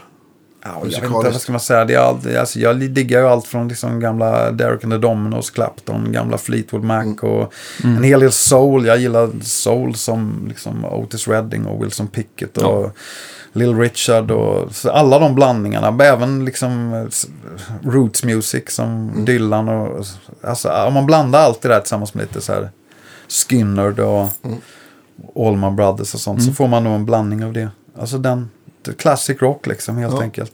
Inte så distade gitarrer men bra tryck i det och mycket harmony, sång och såna grejer. Och Mm, coolt. sånt, sån style. Låter right up my alley. Måste jag kolla in. Ja, nej men det känns jävligt roligt. Så att nu ska man bara få ut det där. Men det är sån annorlunda upplägg med skivbranschen. Jag måste försöka få, få mitt huvud runt det som man säger. man ska göra det. Mm. Vi har plockat upp vinylspelare och grejer. Så jag är så jädra sugen på att släppa det här på vinyl. Ja, Men jag vet inte riktigt än. Ja, jag vet, jag, jag har för mig att du har, du har väl, har du inte satt igång typ i Göteborg, eller på västkusten Jo, det någonstans? tyckte jag om Där- min platta. Alltså att det blev väldigt bra Marco kvalitet. tror jag, va? han som jag hade jobbat på Mugg där. Han har ju startat en sån här vinyl. Ja, men det är nog den. Det är nog den. Ja. Spin Road Vinyl. Yes. Ja. Jag funtar på det också faktiskt. Att eh, kolla där igenom.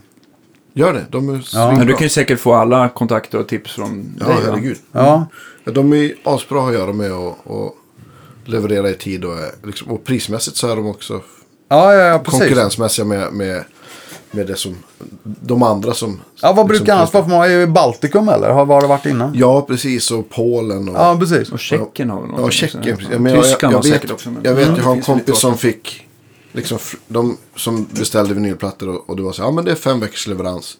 Men det tog tre månader så de fick Ja. liksom flytta på Release. release och grejer. Och, Ja. Man har ju varit på releasepartyn där skivan inte har kommit. Det är inte, Ja, det, är inte nej, all, det- är inte det tuffaste. det är inte det tuffaste. Det är inte ultimat. Ja, men de har en jävligt bra hemsida. Man kan liksom gå in och så kan man, kan man liksom göra en, en, ja, men en egen offert. Man klickar liksom bara i vad, Ja, vad man vill ha, hur många ex och hur många gram och gatefold eller inte. Ja, men så, Ja, ja, så ja, det, visst. Det är faktiskt, och det är en snygg hemsida. Det är så väldigt lätt att förstå. Så Ja, men jag ska ju givetvis kolla upp det där. Ja, det måste du göra. Det är tufft med vinyl. Ja, det är ju det. är så schysst. Jag vill verkligen... Det känns som att då är först då det är släppt på riktigt liksom. Man är den lite gamla skolan, just några sådana grejer. Just Ja, så här, ja, eh, bara MP3, visst. Ja, men det är absolut någonting att vrida och vända på och Ja, läsa. det är roligt. Ja. Verkligen. Så. Då var det ju bästa man visste där ett tag och öppna konvoluter och kolla Ja, grejerna, Oh, ja. vad, vad Ja. folk ville tacka för sponsorer. Ja, Ja, ja. ja. Tacklista och grejer. Och, Nej, men det var hela, hela feelingen faktiskt. Jag gillar det. Men är det i ditt namn då? Eller? Ja, ja. Martin Tomander. Så att, eh, ja, men det känns jävligt bra. Jag har skrivit ett gäng med låtar och jag kommer att åka. Brorsan har ju en studio nere på Mallorca då. Så jag är ganska ofta där med att morsan, syrran, ja, alla mina syskon och morsan de bor där. Så. Och Har du varit byggt sugen den. att flytta ner själv? Nej, jag trivs jävligt bra i. Ja. Jag är där säkert fem, sex gånger per år. Så att det är Ja. Jaha, okej, okej. Den ser Men, eh, jättefin ut. Jag har sett bilder på studion. Det ser ju Ja. fantastiskt ut. Ja, den är grym alltså. Ja. Så att eh, nu, har de, eh, nu har den marinerat lite den studion. Så Mm. nu skulle man kunna dra ner och spela in lite. Vad tänkte jag på? Vilka typ av jobb får brorsan då där nere? Är det att det är många svenskar som kommer ner bara för att få den miljön? Eller är det, eller är det mycket liksom...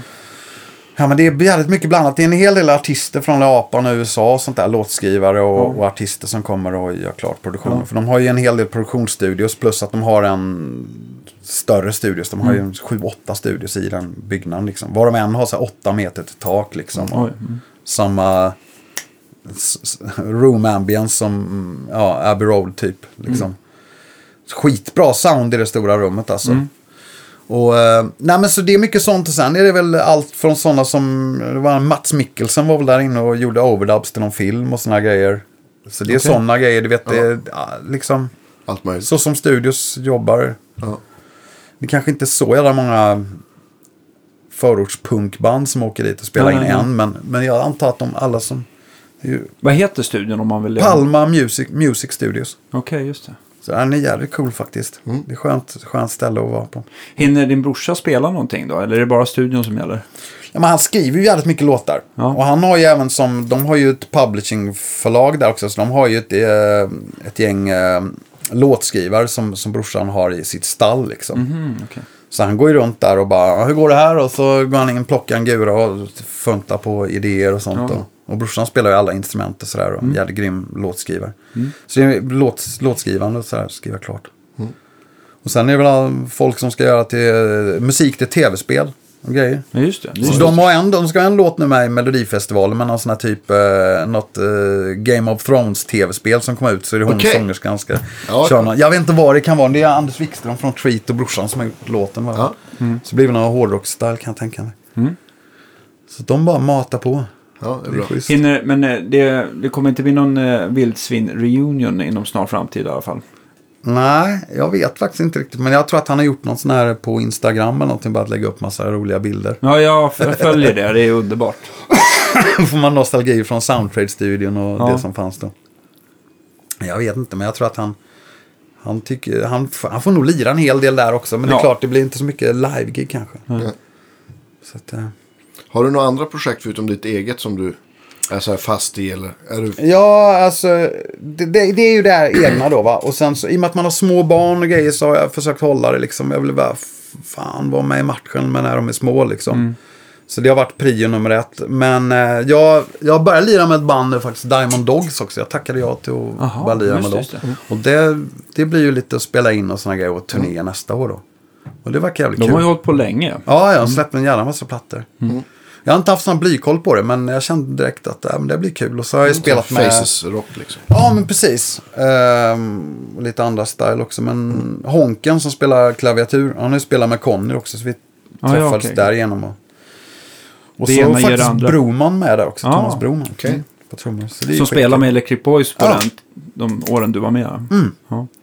Fantastiskt bra trumslagare. Ja, ja, Han ska få all cred. Ja, verkligen. Bridgeman. Ja, för fan. Klassiker. Riktigt bra. Nej, det ska bli skitkul att sätta igång en. Så att jag, man vill ju, man vill ju lira och hålla på. Mm. Sådär. Men det har väl varit så att jag inte har tackat ja till band som är ute och turnerar för mycket. Det har varit, man vill liksom inte vara borta från familjen för mycket. Nej, liksom. men jag känner likadant. Jag känner att jag har redan med att kunna ha, jag har en liten studio hemma liksom och sen Mm. alltid haft replokal. Så jag kan ändå hålla på med mina egna prylar som ändå, det, ger mig de kickarna som Men det måste ju vara perfekt också. Jag tänker på, um, på, på frysen och tillgång till den stora Mm. studion där också. För den är väl ganska bra. Ja, ja visst, absolut. Och fram tills i, eh, vad blir det, I, i, i, i våras hade vi det. Nu har vi Okej. flyttat oss. Så nu har jag mina prylar i Gamla stan då än så länge. Så Aha, okej, okej. fortfarande lösa det där med replokal liksom. Jag har inte riktigt haft någon jättebov. Nu repar vi faktiskt, om vi ska bara repa och skriva låtar med det här Diamond Dogs-grejet. Så ska vi faktiskt lira på samma gata som jag bor, så det är bra. Smidigt. På hamn, I Björkhagen. I Ja, eran vardagsrum. I vardagsrummet. Så jag har snackat lite med Åsa, förhoppningsvis om hon lyssnar på det nu. Så ska jag bara säga att vi har spikat det nu. Så Ja, satt upp en, satt upp en lapp i, i trappet. Satt det på kylskåpet. Åsa, vi Soffan kommer ryker till förmån för Större. Precis. Ja. Ja, men så det, så det får se hur man gör. Men här har ni det jävligt bra. Ja, Sånt här skulle tack. Man, här skulle ni kunna få in ett trumset och smattra på lite också. Ja, precis. Absolut. Ja, men det skulle ju funka som replokal. Men det är väldigt skönt att ha ett verkligen seriöst prov testrum. Ja, Som är, nu är det väl strax under 20 kvadrat. Men just att det är att man kan styra dämpningen lite grann. Och att, att min, min plan var att, att eh, i alla fall ha en ordentligt bra eh, hifi-anläggning så att jag ska kunna gå ner och spela in bakgrunder eh, och så, till exempel Andreas. Så att folk kan liksom prova förstärkarna mot, alltså i realistiska, du vet, det blir aldrig, aldrig riktigt samma när man provar förstärkarna i, i, i liksom en musikaffär. Nej, nej. Och sen så kommer man hem och så bara, eller börjar repa så får man en helt annan bild av den. Va? Så jag Smart tänkte att- drag av dig, Det är Danne. ju bra det.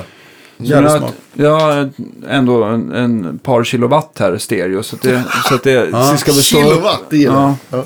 Ja, men det ser, det ser grymt ut. Jag Så- tror faktiskt på den idén just att man när man står i en musikaffär så är det oftast inte riktigt eh, ultimat upplägg för att Nej kunna... men det är nästan inga, jag hoppas att det blir ändring men jag har inte sett det än att det är någon, alltså jag f- förstår att olika, jag tänker så här som Elvan till exempel som har byggt också fina provrum men de, där är det ju mer att man behöver flera provrum för att det kommer så mycket folk, det är sånt tryck som folk vill testa Mm. Ja, liksom ja, hela precis. tiden va. Men just att man satsar Eh, jag vet inte någon annan musikaffär som verkligen satsar på att göra ett riktigt provrum sådär som, som eh, för att det, det känns ändå Det att det, det, det är ändå så här Ja. som, som att det blir det här rummet som blev över ungefär. Ja, Ja. precis. Det är lite synd. För jag får tänka efter själv hur man gjort när man köpt stärkare. Oftast har det ju blivit så att man lånat hem dem. Och Ja, så men det måste man ju fått nästan- testa och så nej. Och så tillbaka och så kanske man hittar en... men men det är en bökig process. När jag jobbade på Deluxe var det ju liksom aldrig något problem med, med till exempel dig att göra det. Men det går inte att göra det till Nej. alla heller. Nej, det sådär. det inte Även om man faktiskt. kanske erbjuder öppet köp givetvis. Om man, ja, Nej, det är sant. Det, Ehm, det är- så är det. ja. Jag får se. Men jag försöker i alla fall göra. Men jag är väldigt glad att jag byggde det helt enkelt. Ja, det är, det är smart idé tror jag faktiskt. Och sen så har vi ju ett perfekt ställe att spela in podcast. I och för sig kan Ja, vi exakt. göra det nere hos dig också. Ja, men det är ju bra. Du, du öppnar ju vid 12 så då blir det ingen hemsk Ja, precis. Så kan jag. Och sen så bor du nära här också. Ja, så det, ja. Så att, Ja, det är schysst. Mm, ställe. ja. Vi, vi, Danne har ju en fråga som vi brukar ställa till alla våra gäster. Mm. Ja, jag, den här, alltså de flesta gästerna kan jag ändå tycka så här att, att eh, jag kan ana vad du kommer att svara. Men, men eh, ofta så kan det är ganska lättläst tycker jag. Ja. Men eh, nu är jag lite mer osäker. Vilken är den sista gitarrprylen du säljer? Förutom din den här Boss Heavy Metal. På Seven Metal, den har jag faktiskt inte kvar tyvärr. hade jag haft den så hade jag aldrig sålt den. Den skulle jag fan ramat Nej, men jag... Nej, jag vet inte. Alltså den, den, eh, den som jag helst inte vill sälja. Ja, den någonting. sista Ja. gitarrprylen du kommer sälja. Ja, men jag måste nog fan säga habaneron då. Ja. Även om jag har hittat andra alternativ. För det, jag känner inte för att hänga upp mig och vara så petnoga med just den grejen. Men det är nog för att jag gav järnet för att hitta den senare. Ja. Det, var, det hände någonting i mig första gången jag testade den med Fenderstärken. Jag kände att jag hade hittat Där är det. guldådran. Vad har du hittat som är, kommer närmast då?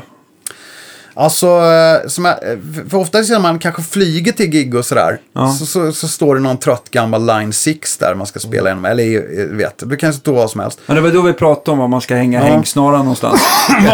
Så det, då tar man bara med sig sån här bilbärgningsrep bara. Ja. Som har vet, sån här blått som man bränner sig när man drar runt.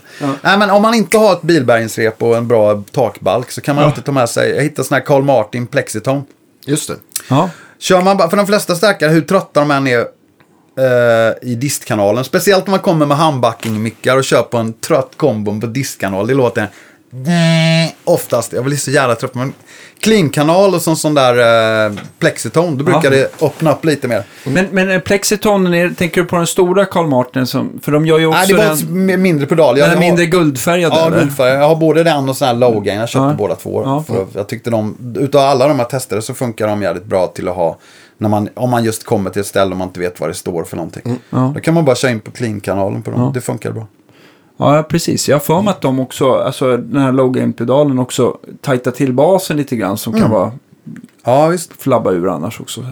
Så det, den är ju bra att ha. Så. Men, men utav alla grejer jag inte skulle sälja, det skulle kanske vara den eller om möjligtvis kanske min Flying V då, skulle Ja, jag inte det. vilja sälja. Det Heller. var den jag tänkte på. Ja, ja, men det är väl klart. Jag Eh, tänkte på den. den först, men sen så insåg jag nej, det måste ju vara pedalen. eller? Ja. Men det var just Ja. att det var så maniskt letande efter den där. Ja. Att man fortfarande i den åldern man ändå är nu kan få gå igång så på. Och, men jag måste ha just den där grejen. Jag tycker det är Underbart. roligt.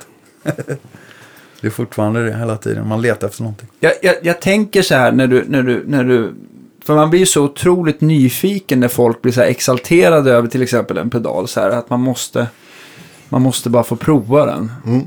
Med, med just att det kan vara jävligt jobbigt att hitta en sen, givetvis. Men, men, eh, men jag tänker också, fan det kanske är skönt att vara lyckligt ovetande om hur bra den är. Ja. Men sen har Jag också tänkt på att det är så jädra mycket eh, också individuellt vad man, vad man har för referenser till sound och hur man spelar, visst. vad som funkar. Vissa Eller hur? spelar, eh, till exempel. Men det har man ju slagits av hur många gånger som helst. Hur, hur saker kan låta så fantastiskt i andras händer. Och sen så när man provar det själv så, Ja. så känns det helt fel. Men, Ja, men absolut. absolut. Det är helt sant. Det är, det är så individuellt det där. Jag själv jag för mycket dist och så här blir jag nervös ibland. När det distar för mycket tycker jag kan bli lite fluddrigt. Eller för låg action på det- gitarrerna. Vad kör du för det, strängar nu? Går det för snabbt liksom? Jag vet inte riktigt. Jag får inte liksom det fästet eller trycket i tonerna. Det blir för mig. Men, eh, men jag kör, det blir vanligt så här 10. Men jag kör några sådana här Nashville-upplägg på det. Så här 44 i botten och Ja, sen det. till Lite- 10. Jaha, lite som Conny också. Ja, precis. Ja. Eh, Det var från honom jag fick det faktiskt. Jag fick det tipset. Man känner att det är bra när man spelar med andra gitarrister och kanske klaviatur också. Ja. Så slipper man brottas för mycket med, med basfrekvensen. Liksom man lägger sig mer automatiskt. Det känns schysst faktiskt. Så det är det jag kör på, på gitarrerna. Oavsett eh, Gibson eller Fender. Ja, det har blivit så. Vanlig stämning eller stämmer du ner fortfarande? Nej, vanlig stämning. 440. Men då får du ändå, har du hittat något färdigt sätt eller får du plocka ihop? Nej, jag plockar ihop oftast. Ja. Jag vet inte om det finns sådana kit. Det kanske det gör, men jag brukar bara köpa lösviktet Men gäng. jag liksom. har inte sett riktigt den. Jag tror det är varianten. 44, 34, 24, 16, 12 och 10. Just det. Man Just kör. det. Ja. Och det brukar jag bara åka in och man märker att man bara får slut på 24 eller då Ja. brukar jag bara åka in och köpa en 10 stycken. Ja, just det. Så, så. Vad kör du för strängar? Jag vet inte heller för att säga, men det är liksom vad... Ja, men det är väl, Lite det som eh, finns i lådan Ja, kanske. precis. Men jag undrar om inte det... Kan det vara Ernie Ball kanske? Ja. Eller Dalarien och så här. Jag Ja. kommer inte ihåg riktigt. Lite olika. De funkar bägge två. Absolut. Stort tack för att du ville Ja, komma och vara med i vår podd. Tack för all glädje du har Tack spridit. själva. Tack själva. Skitkul. Ja, Mycket trevligt. så äh, återkommer vi nästa torsdag som vanligt helt enkelt. Det gör vi, det vet ni. Ha det bra. Ha det så Hej. bra. Wunderbaum. Tja.